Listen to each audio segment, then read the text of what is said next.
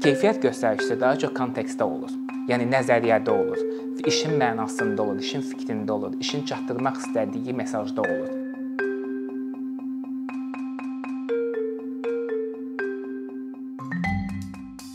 Mən əvvəlcədən qeyd etməliyəm də, mən Azərbaycanda heç bir incəsənət və mədəniyyət təhsili almamışam və bütün mənim fikirlərim, araşdırmalarım mənim şəxsi praktikamdan və Azərbaycanda son 2 ildə çalışmağımdan əsaslanır. Mən İngiltərə universitetlərinin birində multidisiplinar incəsənət təhsili üzrə bakalavr dərəcəsini almışam və Azərbaycanda Azərbaycana qayıdandan mən gördüyüm mənzərə budur ki, bizdə müstəqil inkişaf çox da yaxşı getmir.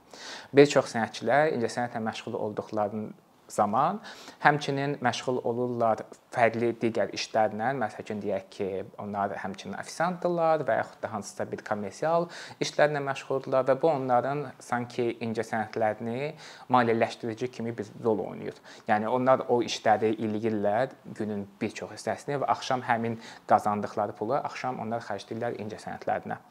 Bu isə düzgün bir sistem deyil ki, inkişaf eləyə bilsin insan, sənətçi, ümumiyyətlə rəssam və sənətçinin içinə daxildir hər bir kəs. Yəni burada rəssam var, heykəltaraş var və digər sənət sahibləri var.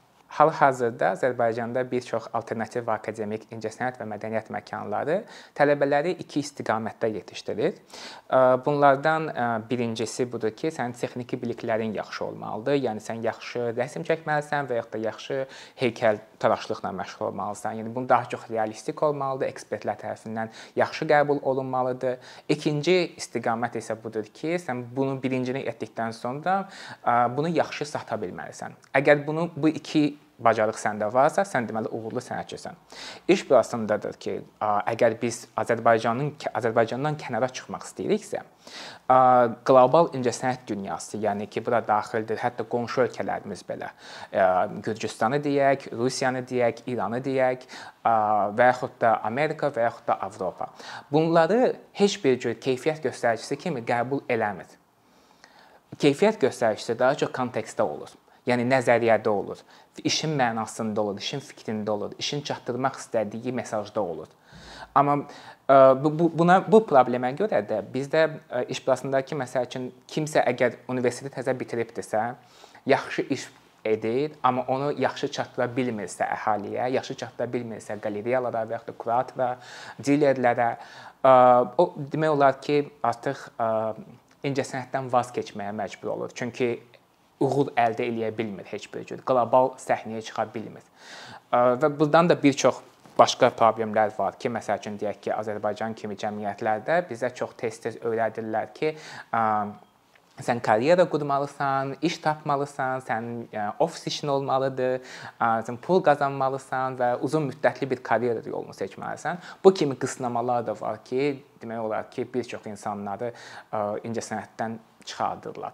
Ümumilikdə biz incəsənətə baxanda, ə, yəni Azərbaycanda da bu belədir, SSR vaxtı da belə olubdu, hal-hazırda bütün dünyada çağdaş incəsənəti də bu cür qəbul olunur. Bizdə ümumiyyətlə incəsənət sahəsi stabil bir sahə deyil. Biz ə, bir gün ola bilər ki, hansısa bir yaxşı bir pul qazanırıq, işimizi satırıq və yaxud da işimizi göstəririk hardasa və sərgilərdən işimizi göstərdiyimiz üçün ə, biz ə, artist rəssam haqqı alırıq. Artist fee deyilən bir termini var.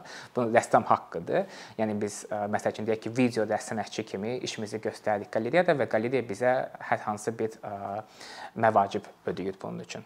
Daha sonra isə ə, mənə elə gəlir ki, biz bunları təhlil eləyəndə ən birinci baxmalıyıq dünyada əksəriyyətin qəbul elədiyi 10 illik bir inkişaf sistemi var. Harda ki sən gedib çıxırsan, sonunda hər hansı bir qalereya səni təmsil eləyir, sən artıq olursan established artist termini var. Established artist isə o deməkdir ki, sən artıq qalereya tərəfindən təmsil olunursan. Sənin bütün işlərin qalereyalar tərəfindən idarə olunur və sənin qalereya tərəfindən idarə olunmasına isə daxildir sənin marketinqin, administrasiya işlərinin, texniki bütün işlərin hamısından fərqli-fərqli köməkçilər məşğul olurlar və sənin fokusun yalnız olur tədqiqatın və sənin incəsənət yaratmağın. O sonuncu mərhələdir. Amma ora gedib çıxmaq üçün biz yəni sadəcə bakalavr dərəcəsini Azərbaycan Mədəniyyət və İncəsənət Universitetindən bitirdik, getdik ora elə olmur. Bu yəni sistem var. Yəni deyilməmiş, qeyri-rəsmi olan bir sistem var. Ən birincisi gənc sənətçilər üçün nəzərdə tutulmuş könüllülər proqramıdır, təlimlərdir, workshoplardır. Harda ki biz biliklərimizi artırdıq. Çünki bakalavr sahəsində məsəl üçün multidisiplinar sənətçi kimi biz əgər öyrəniriksə təsviri incəsənətin bir çox sahələrini, biz həmçinin öyrənməliyik biz necə praktikamızı böyüdə bilərik mövzuların sayəsində.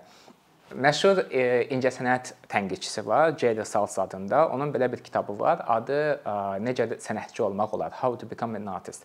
E, bu kitab demək olar ki, qeyri-rəsmi olaraq e, sənətçilərin necə sənətçi, professional sənətçi olmaq kimi bir e, yolunu əks etdirir.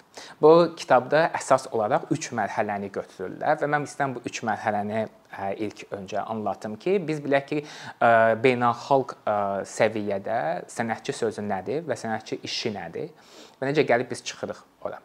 Birinci mərhələ ondan ibarətdir ki, orada könüllülər proqramları var, bizim bir çox workshoplar, təlimlər var, hansılar ki biz iştirak edirik və biliklərimizi artırırıq və ən əsası isə rezidentura proqramları var. Rezidentura proqramları bundan ibarətdir ki, incəsənət və yaxud da mədəniyyət qurumları əsasən gənc sənətçilər üçün nəzərdə tutulmuş bir proqram yaradırlar. Orda 1 aydan 3 aya qədər sənətçiyə studiya verilir. Bu studiyaya biz istifadə edirik işlərimizi yaratmaq üçün. Həmçinin bizə təqaüd ödənilir və digər xərclərimizin hamısı da qarşılanır. Bu proqramdan ən əsas məqamı həmçinin odur ki, bizim şəbəkə dairəmiz böyüməyə başlayır. Çünki bu çox vacib bir məqamdır. Biz əgər daha sonra kuratorlarla demək istəyirik, kuratorlarla, dilerlərlə və digər qaleriya və muzeylərlə işləmək istəyiriksə, bizə çox vacibdir ki, bizim həmçinin kommunikasiya biliklərimiz də yaxşı olsun. Rezidentura proqramlarının ən əsas məqamı da budur ki, biz həmçinin öyrənirik necə şəbəkə dairəmizi böyüdə bilərik və həmçinin ünsiyyət bacarıqlarımızı da artırırıq, inkişaf elətdiririk. Və mənim şəxsən ən çox xoşuma gələn məqamlardan da biri budur ki, biz fərqli-fərqli mədəniyyətlərlə, fərqli-fərqli insanlarla bir yerdə işləməyə başlayırıq. Hansısa bir şəhərdə, ölkədən, ölkənin hansısa bir şəhərində, hətta balaca bir şəhərində belə olsa olsa da, biz həmin şəhərin mədəniyyəti ilə, cəmiyyəti ilə, balaca bir icması ilə tanış oluruq və istər-istəməz bu bizim praktikamıza və praktikamızı necə də böyütməyinə çox güclü kömək edə bilər.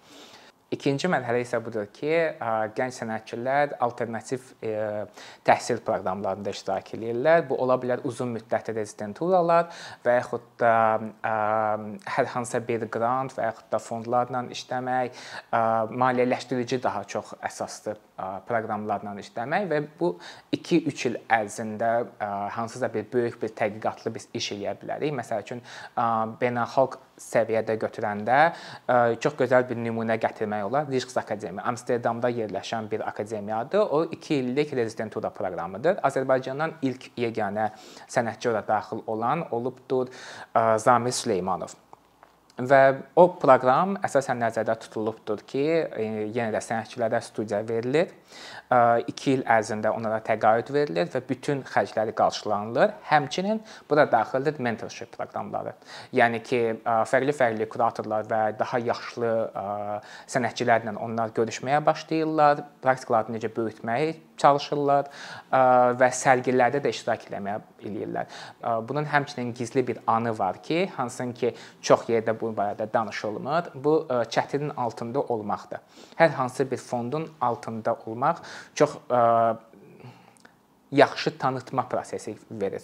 Yəni ki, sən özün belə xəbərin olmadan, məsələn, sənin işlərin e, kuratorlar öz aralarında bir-birlərinə göndərirlər, tanış eləyirlər sənin işlərindən və Bu da təbii ki, sənin sərgilərinin çoxalmasına kömək eləyir və sərgilərin də çoxalması təbii ki, sənin gəlirinin artmasına kömək eləyir. Həmçinin sənətçi kimi tanınmağı var dünyada. Üçüncü mərhələ isə artıq qaleriya tərəfindən təmsil olunmadır.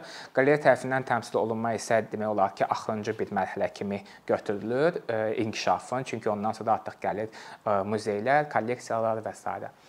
Qaleriya tərəfindən təmsil olunmanın ən üstün cəhəti odur ki, bizdə bütün administrativ işlərinin hamısına, administrasiya işlərinin hamısına məşğul olur qaleriya köməkçiləri və biz sənətçilər məhz fokuslanırıq yalnız bizim incə sənətimizə, yəni studiyada işləməyimizə və tədqiqatımıza.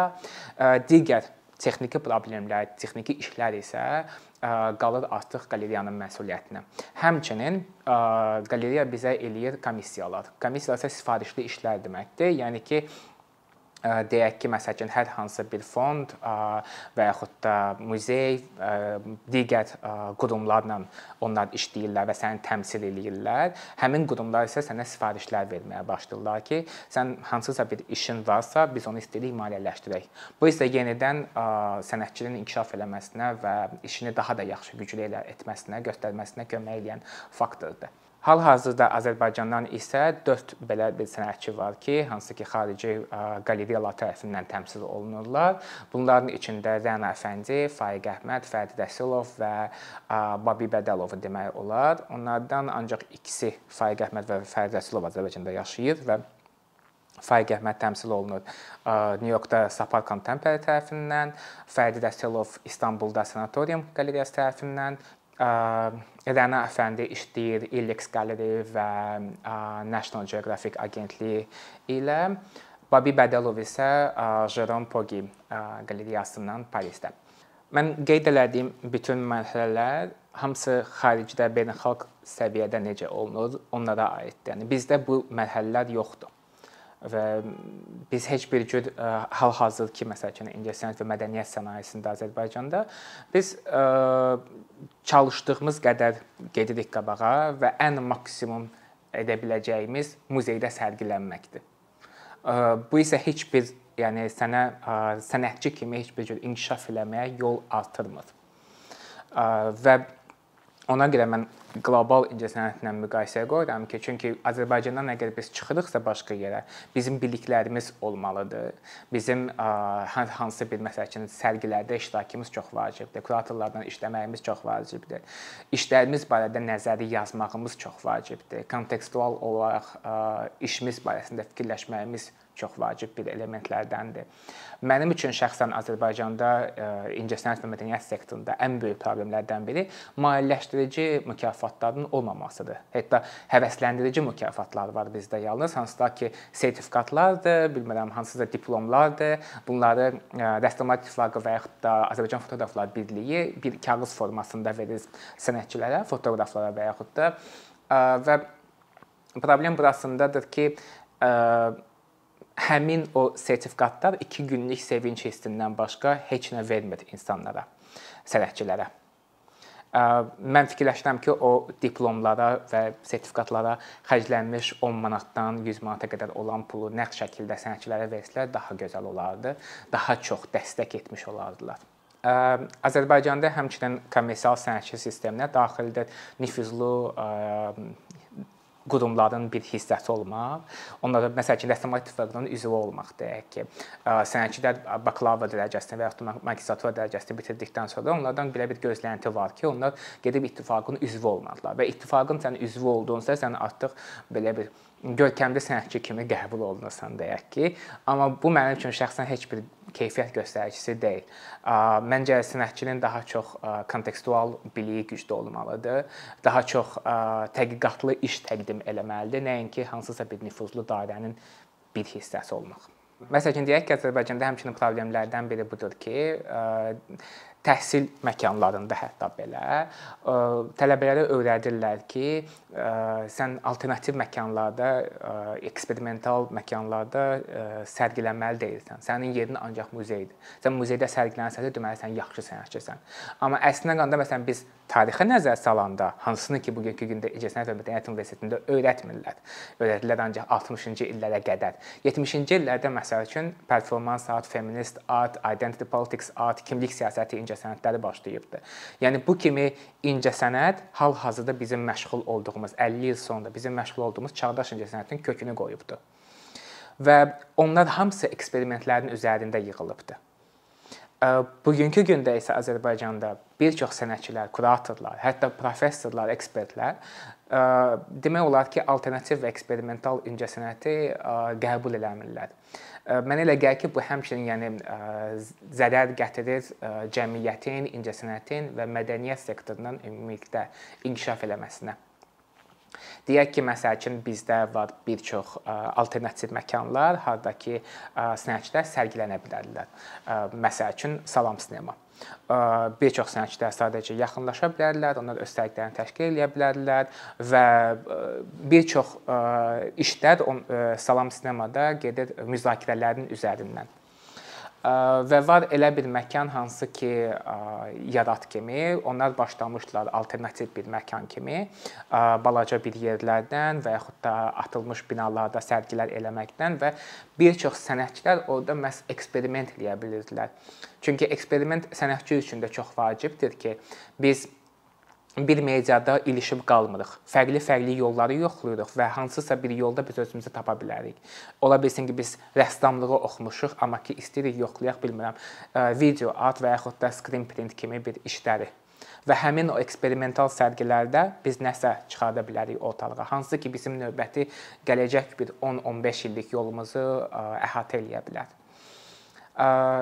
yarat barəsində dedim, yox. Onlar alternativ məkan kimi başlamışdılar və çox gözəl idi. Əslində qalanda məsəl üçün 2011-2012-ci ildə Azərbaycanda baş verən bu incəsənət bumu çox yaxşı təsirli idi bir çox sənətçilərə və ümumilikdə incəsənət və mədəniyyət sektorunu çox qaldıra bildi. Və onlar hamısı baş verirdi eksperimental vaxtlarda. Hal-hazırda institut kimi olan məkanlar incəsənət incəsənətə və ümumiyyətlə sənətçilərin inkişafına kömək eləyə bilmir. Bu həmçinin cəmiyyətə bir xələl gətirir. Əkinçinin yeni videoları haqqında məlumatlı olmaq üçün kanalımıza abunə olmağı və xəbərdarlıq funksiyasını aktivləşdirməyi unutmayın. Bununla bərabər gördüyümüz işlərin davamlı olmasını istəyirsinizsə, bizim patronların sırasına qoşulmağınızı rica edirik. Əkinçinin Patreon icmasının üzvü olaraq siz bizim təşəbbüsə dəstək göstərməklə bərabər hazırladığımız materialları hər kəsdən öncə izləmə imkanı əldə edəcəksiniz. İmkandan istifadə edərək cari patronlarımıza işlərimizi davam etməyə yardım olduqları üçün dərin təşəkkürümüzü bildiririk.